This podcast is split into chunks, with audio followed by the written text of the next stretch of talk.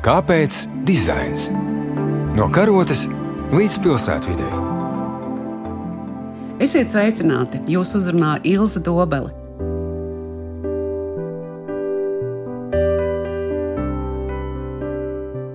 Kā katru gadu tumšākajā laikā mazāk saņemam dienas gaismu, mazāk stundu tajā pavadām un daudz vairāk izmantojam mākslīgo apgaismojumu. Un katru reizi aktuāls ir jautājums par to, vai gaismas avotus varam izmantot liederīgāk un arī atbildīgāk pret vidi. Kā pārspīlējot, varam radīt arī nevajadzīgu gaismas piesārņojumu, kas pat var mums traucēt. Šajā tumšajā sezonā tam pievienojies vēl viens būtisks aspekts cena par izmantoto pakalpojumu. Kā mēs sadzīvojam ar šiem visiem uzdevumiem un kādus risinājumus ir raduši eksperti? Sveicināti mani viesi šajā dienā. Mēs tiekamies rīta stundā, un jāsaka, pavisam neilgi ir tas brīdis, kad mākslīgu apgaismojumu ir nomainījusi dienas gaisma. Un, kā jūs varbūt šajos rītos ar savu speciālistu acīm pamanāt to, ka saule lec tikai drīz pēc astoņiem, no rīta jau drīz pēc četriem, un dienas gaišās stundas patiesībā ir nu, septiņas stundas un 50 minūtes. Tā kā nu, nekas diži daudz nav. Ilzi, varbūt sāksim ar tevi. Man personīgi ir sajūta, ka tas ir stipri mazāk par septiņām stundām. Liekas, trīs, četras stundas un viss. Buf. Man kā no sava eksperta viedokļa, tas aicinājums visiem ir pavisam vienkārši. Jāsāk pašiem ar sevi. Ir jāvelta laiks sevis sajūšanai, kurās gaismas situācijās mēs jūtamies vislabāk. Un tad šo te gaismas sajūtu, kurā mēs labi jūtamies, arī mēģināt imitēt, izmantojot mākslīgu apgaismojumu. Bet tas aicinājums tiešām ir tāds pašiem sevi sadzirdēt, sajust. Jo gaisma ļoti bieži ir tas aspekts, tā matērija, par kuru mēs ikdienā mēdzam nedomāt. Tikai tad, kad ir slikti, tikai tad mēs pēkšņi, kas tad te? Tikai tad mēs jāsākam saprast to, ka gaismai tomēr ir milzīga nozīme. Tāpēc ļaut sev uzdāvināt mirklīti, pasajust, kurā no gaismas scenārijiem, kaut vai dabā, gaišās dienas laikā, kurā brītiņā mēs vislabāk jūtamies. Un tad, attiecīgi, tad, kad mēs esam sapratuši, kas mums vislabāk patīk šo arī, tad mēģināt ieviest savā ikdienas dzīvē, tur, kur mums ir tā sava efektīvākā situācija jārealizē. Labi, tas jau kļūst tā kā jau par uzdevumu. Labi, ko mēs tad arī runāsim, Kristap, tavas sajūtas. Ņemot vērā, ka mana diena sākas aptuveni pussešos, kad es izbraucu savās dienas gaitās, šajā gada periodā gaisma noteikti ir ļoti svarīga. Braucot pa pilsētu, ārpus pilsētas, pa šosejām, gaisma man ir svarīga un esot arī šobrīd eh, apgaismojuma biznesā skatos, kas kur ir, ko mēs varētu labāk, ņemot vērā, ka mūsu bizness ir balstīts uz uh, ielu apgaismojumu, uz uh, ārā apgaismojumu. Attiecīgi arī runājos ar pilsētām, pašvaldībām, stāstu, ko es esmu novērojis, ko esmu redzējis. Un, uh, ko es ieteiktu un gribētu jums palīdzēt sakārtot. Tad, lūk, klausītāji, ir pirmais jautājums noteikti, kas ir mani viesi?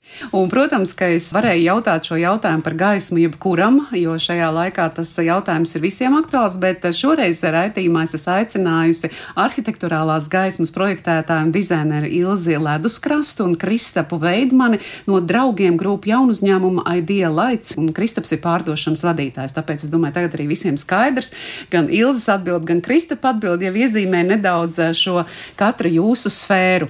Es gribētu varbūt mūsu sarunu sākumā sadalīt eh, divos tematos - apgaismojums iekštelpās un apgaismojums ārā. Tātad tur, kur mēs eh, esam dabā un kur mums šobrīd šis apgaismojums varbūt pat trūkst visvairāk. Ils, varbūt tev pirmais jautājums. Kas šobrīd ir tas aktuālākais uzturoties telpās un izmantojot dienas gaismu? Tagad arī mēs sēžam radio studijā. Es pat teiktu, tagad jau tu man esi izglītojis, ir divas dažādas spektra gaismas, siltā un vēsā. Kas ir tas atskaites punkts, no kā mums jāsāk domāt, lai mēs jūtamies labi telpās, kur neienāk dienas gaisma? Jā, skaisti pateicis par tām divām spektra krāsņām. Patiesībā viņu ir krietni vairāk. Tas labākais un dabiskākais mēģināt sekot saulītes ciklam. Tas ir tas, kur mēs jau arhitipiski jūtamies vislabāk. Šobrīd, kad tas saulītes cikls ir stipri īsāks, tad lūk, mākslīgais apgaismojums ir tas brīnišķīgais instruments, ar kuru mēs šo saulītes ciklu varam pagarināt. Un tad, lūk, vislabākais, ko darīt mums iekštelpās, kur īpaši šādā telpā, kur mēs šobrīd sēžam, variēt ar šo silto un vēso spektru un attiecīgi nodarbēm, ar kurām mums ir jādarbojas, vai nu viņām jābūt ļoti fokusētām un ar intensīvu mentālo līdzdalību, vai mēs čilojam un šķirstam žurnālu un, un ļaujam sev atpūsties. Katrā no šīm nodarbēm ir attiecīgais tas gaismas spektriņš, kas mums palīdz mūsos ražo šo hormonālo sistēmu atbilstoši tai nodarbē, kas mums ir nepieciešama. Par piemēru, ja Kristupam ir jārēķina tāms, tur ir Excel, Excel, Excel, un tur ir čupām visādi komponenti, kas ir jāsliek kopā, tad, protams, Kristupa gadījumā noteikti vislabāk būtu pietuvināts 3000 vai pat 4000 Kelvina gaismas spektrs darba vietā, kas eh, stipri pietuvinās pie tās situācijas, ko saulītas gaisma dod mums dienas viducī. Un otrādi, Ilzi ir aizgājusi mājās pēc ieraksta, viņa grib beidzot atpūsties un beidzot arī pastīties kādu filmu. Vai, vai aiziet vai... uz televīzijas studiju, un tad sākās. Ja. nu, tad tev ir otrādi, jā, tev tie ritmi mm. drusku ir savādāk, mm. bet mēs varam palīdzēt savam organismam pamosties ar šo te vēso, ko mēs šeit studijā redzam. Virs mums ir vēsāks spektrs, ieslēdzot viņus kārtīgi jaudu. Mums pat nedomājot, sāk izglīties kortizoliņš, un mēs tādi aktīvāki kļūstam, un šo te gaismu noslēdzot nost, paliek siltais spektriņš, un mēs jau drusciņā izgāžam, mēs jau jūtamies vieglāk, un viss ir, nu, vēl tikai vīns, varbūt tūkt, un viss ir forši. nu, redzat, mēs te tagad radio balansējam uz šo mazliet silto, mazliet vēso, lai jūs nejūtaties slikti, bet lai arī nesat pārāk relaksēti. Jā, jā. jā apmēram tā.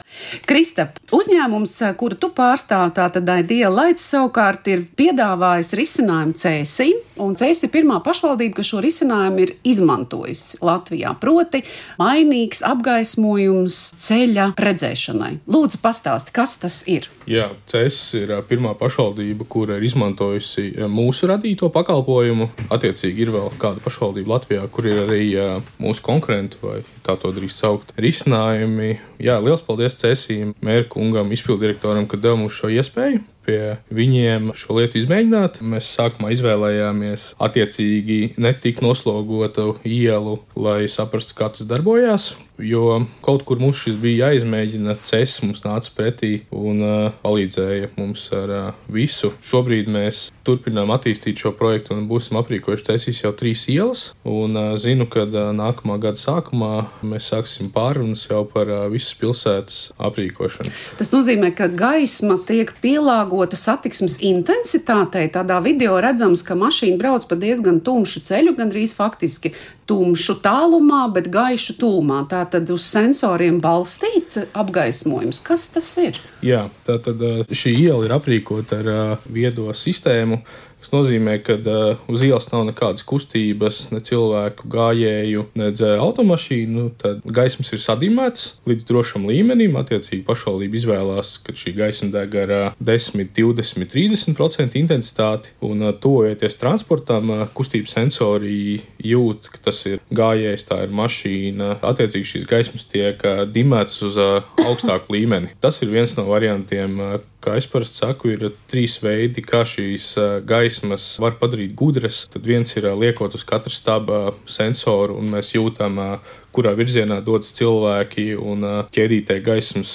slēdzas iekšā uz priekšu un aiz muguras divas laternas, trīs, piecas vai desmit, kā jūs to izvēlaties, paliek atkal tumšākas. Otrs variants ir, kad mēs varam visu dimēt pēc saules. Tas nozīmē, ka vakaros pīķis stundās šis ielas apgaismojums ir intensīvāks, tikko pīķis stundas beidzās, naktī apgaismojums kļūst netik intensīvs, bet atšķirībā no iekštelpām Mums ir noteikti minimumi, ceļa klases, kaut kādi standarti, kuros mums ir jāiekļaujas, lai nav tā, ka ir pa tumšu. Vai, piemēram, gājēji pārēji tūmā vilcieniem, nu, tur ir savi noteikumi, kur mums arī jāievēro. Nav tā, ka mēs varam izdomāt, šādi būs vislabāk. Ilzi jau arī grib komentēt, bet man ir tikai tāds ātrs jautājums, kā tas tiek izdarīts? Vai tas nozīmē, ka esošam apgaismojumam pilsētā tiek pieliktas, varētu teikt, metaforiski citas smadzenes, jo noteikti, visas laternas jau netika nomainītas? Krista. Nu, šīs laternas, kuras ir attiecīgi cēsīs, kurā mēs izmēģinājām, laternas jau tur bija, bet kā jebkurā vietā ir lētāk gaismas ķermeņi, ir dārgāk gaismas ķermeņi, un attiecīgi tur ir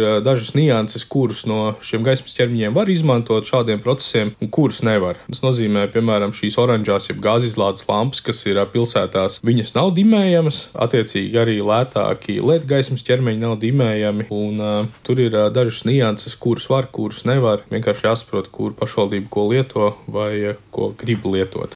Es arī sazinājos ar cēsīm, un tad arī pateikšu, ko cēsis saka, bet Ilze, komentārs no tavas puses. Jā, man iekšējais kluss spiedziens un sajūsma par to, ka beidzot Latvijā šī te gudrā sistēma tiek ieviesta. Es savulaik arī savā publiskajā slēgā Facebookā esmu publicējusi to, ka šis būtu sen jāveic, jo šī gudrā sistēma ne tikai samazina gaismas piesārņojumu mums dabā, bet arī fantastiski ekonomē izdevumus tām pašām pašvaldībām lietām. Un pie tam ne tikai gaismas piesārņojums, bet tas ir arī draudzīgs dabai. Tāpēc, ka dabai tieši tāpat kā mums cilvēkiem ir jāatpūšās naktī. Kokiem nav jāskatās uz milzīgu, spēcīgu, pie tam vēsu apgaismojumu. Tāpēc gāzes lādes tādā ziņā drusku draudzīgāks. Es, starp citu, tas bija viens no jautājumiem, varbūt to vēlāk, vai arī spektra krāsas mainās, bet principā jā, tas ir absolūti kolosāli. Un es klusām tur īkšķis, lai pēc iespējas vairāk pašvaldības, lai Latvijā sāk sāk mosties visa šī situācija.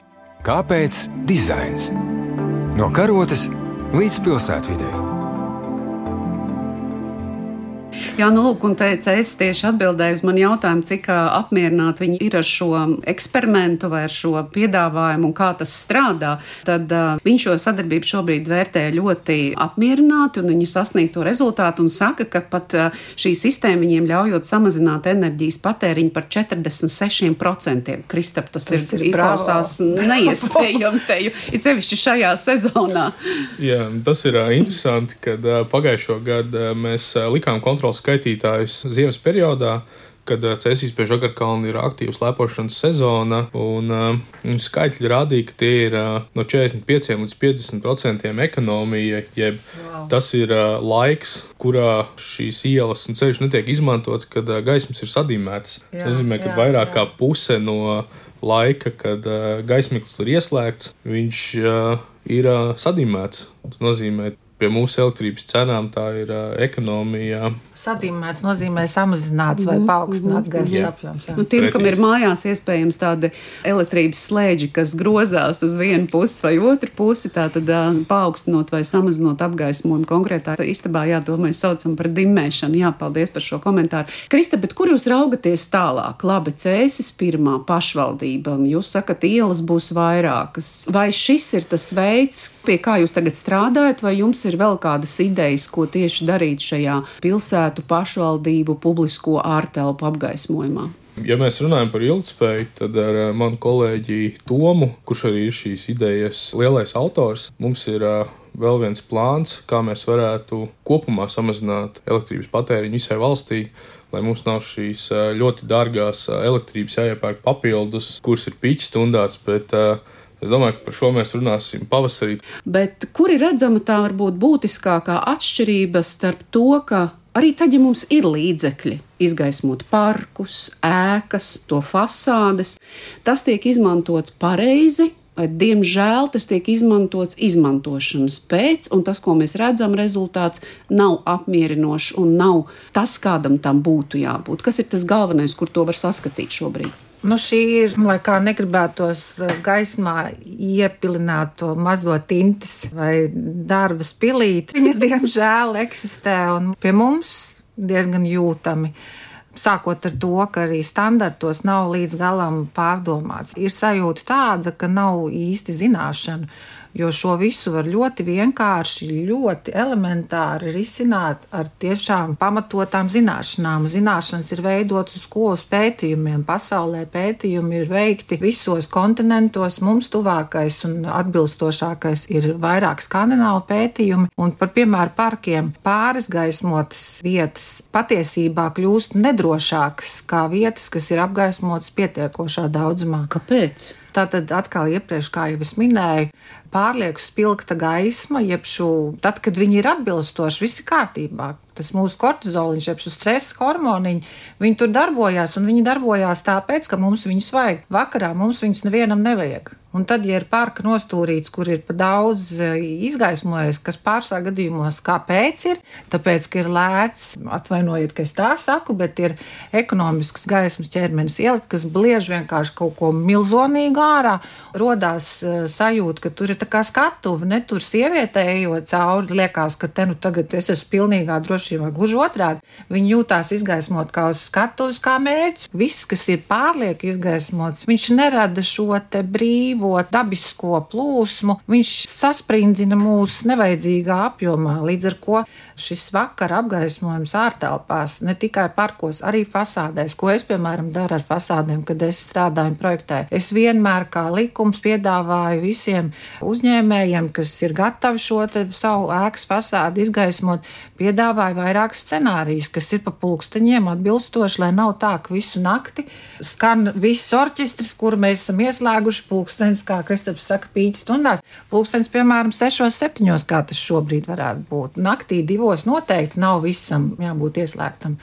Jo tur ir atkal neskaitāmi aspekti. Gan daba, gan iela, gan arī iedzīvotāji, kas mitinās vai tai pašā mājā, vai pretējā mājā. Mm. Ārkārtīgi daudz aspektu, bet tā nav Morsa abets. Un pat ja būtu, arī to ir iespējams apgūt. Jā. jā, tur nav nekā sarežģīta. Mm. Šobrīd ir tā sajūta, ka īsti nav zināšana, pēc tam viņas jau tiešām nav tik sarežģītas. Un ja viņas būtu, tad tā lieta ir vienkārši redz puišus vēl ar gudrajām sistēmām pieliek, pieslēdz un, nu, brīnišķīgi. To visu nu, var lieliski Jā, tad mēs varētu teikt, ka mēs pat nezinām, ko mēs nezinām, ne? Tā varētu savā teikt, ziņā, un savā ziņā ar šo jāsāk arī sevi izglītot un um, pieminot vēl šo gaismas piesārņojumu. Atceros, ka vēl nesen bija vairāk iedzīvotāju sūdzības arī pie šiem reklāmas plakātiem, kas cauri diennakti ir vienā intensitātē, kas cilvēkiem traucē dzīvot jā, un, un spīd viņu mājokļos, un tas ir ļoti apgrūtinoši. Bet, ja mēs runājam vēl par laiku, kurā šobrīd mēs joprojām esam, par pandēmiju. Arī laiks, kurā mēs pavadām aizvien vairāk telpās, aizvien vairāk pie dažādiem ekrāniem. Ko jūs saskatāt, varbūt, ko šis laiks ir nu, nesis cilvēkiem, varbūt arī tieši no tā aspekta, ka ir bijis laiks padomāt par kaut ko, par ko mēs neesam līdz šim padomājuši? Man tāda sajūta ir pēc jautājumiem gan no Eiropas, gan no Latvijas, kad cilvēki ir sākuši pavadīt laiku vairāk ap savām mājām, kur ir mežs, parks kur eh, kādreiz bija pastaigu taka, kur viņi gāja pa dienu. Tagad viņi tur iet arī vakaros un naktīs staigāt. Un uh, rodas jautājumi, vai mēs šo varam izgaismot? Nu, mēs varam izgaismot, jā. Man ir tāda sajūta, ka uh, cilvēki palikuši jutīgāki pret uh, to, kas ir. Vairāk jautā, vai mēs varam kaut kā savādāk. Tāpat laikā, vai mēs varam uh, skaistāk, vai mēs varam dabūt šos uh, gaismas ķermeņus, kas ir ārā, lai viņi ir uh, vairāk ar dizainu patīkamāk. patīkamāk. Jā.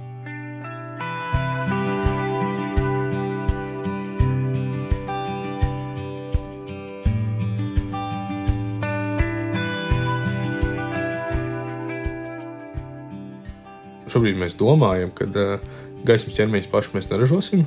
Tāpēc mēs viņus iepērkam no dažādiem ražotājiem. Laiks rādīs. Laiks rādīs, Jā, laiks rādīs, bet šobrīd mēs domājam, ka nē. mm -hmm. Jūs vairāk fokusēsieties uz šiem lieliem projektiem?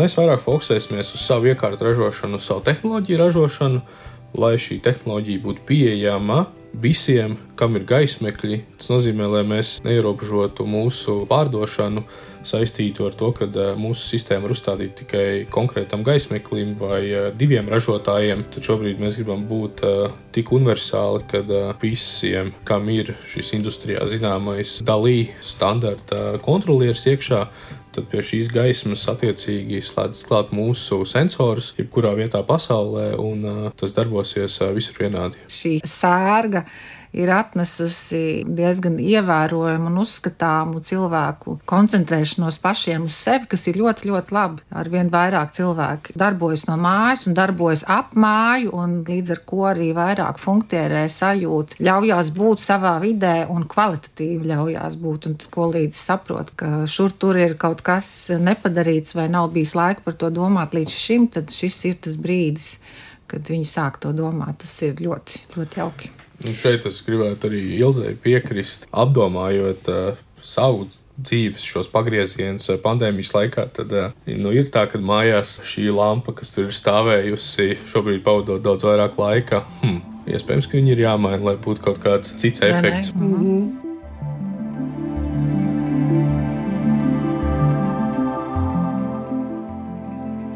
Lielas paldies jums par sarunu. Tātad šobrīd dienas gaismas kulminācija ir pulksten 12. un tas noteikti ir labs laiks, lai palūkotos, kas notiek aiz loga, vai arī izmantot šo brīdi nu, tādai nelielai pastaigai un katram šajā laikā arī izdotos aizdomāties gan par gaismas sniegto labsajūtu, gan arī par veidiem, kā sev to nodrošināt apkārt aizvien vairāk. Tātad paldies par sarunu, sāku arhitektūrālās gaismas projektētājiem, dizainerei Ilzē Leduskrastai un Kristipam Veidmanim, Idea Lights pārdošanas vadītājiem klausītājiem. Radījuma skaņa montē Judīta Bērziņa. Paldies Kultūra Kapitāla fondam par atbalstu. Studijā jūs uzrunāja Ilsa Dobele, lai jums gaiši Ziemassvētki!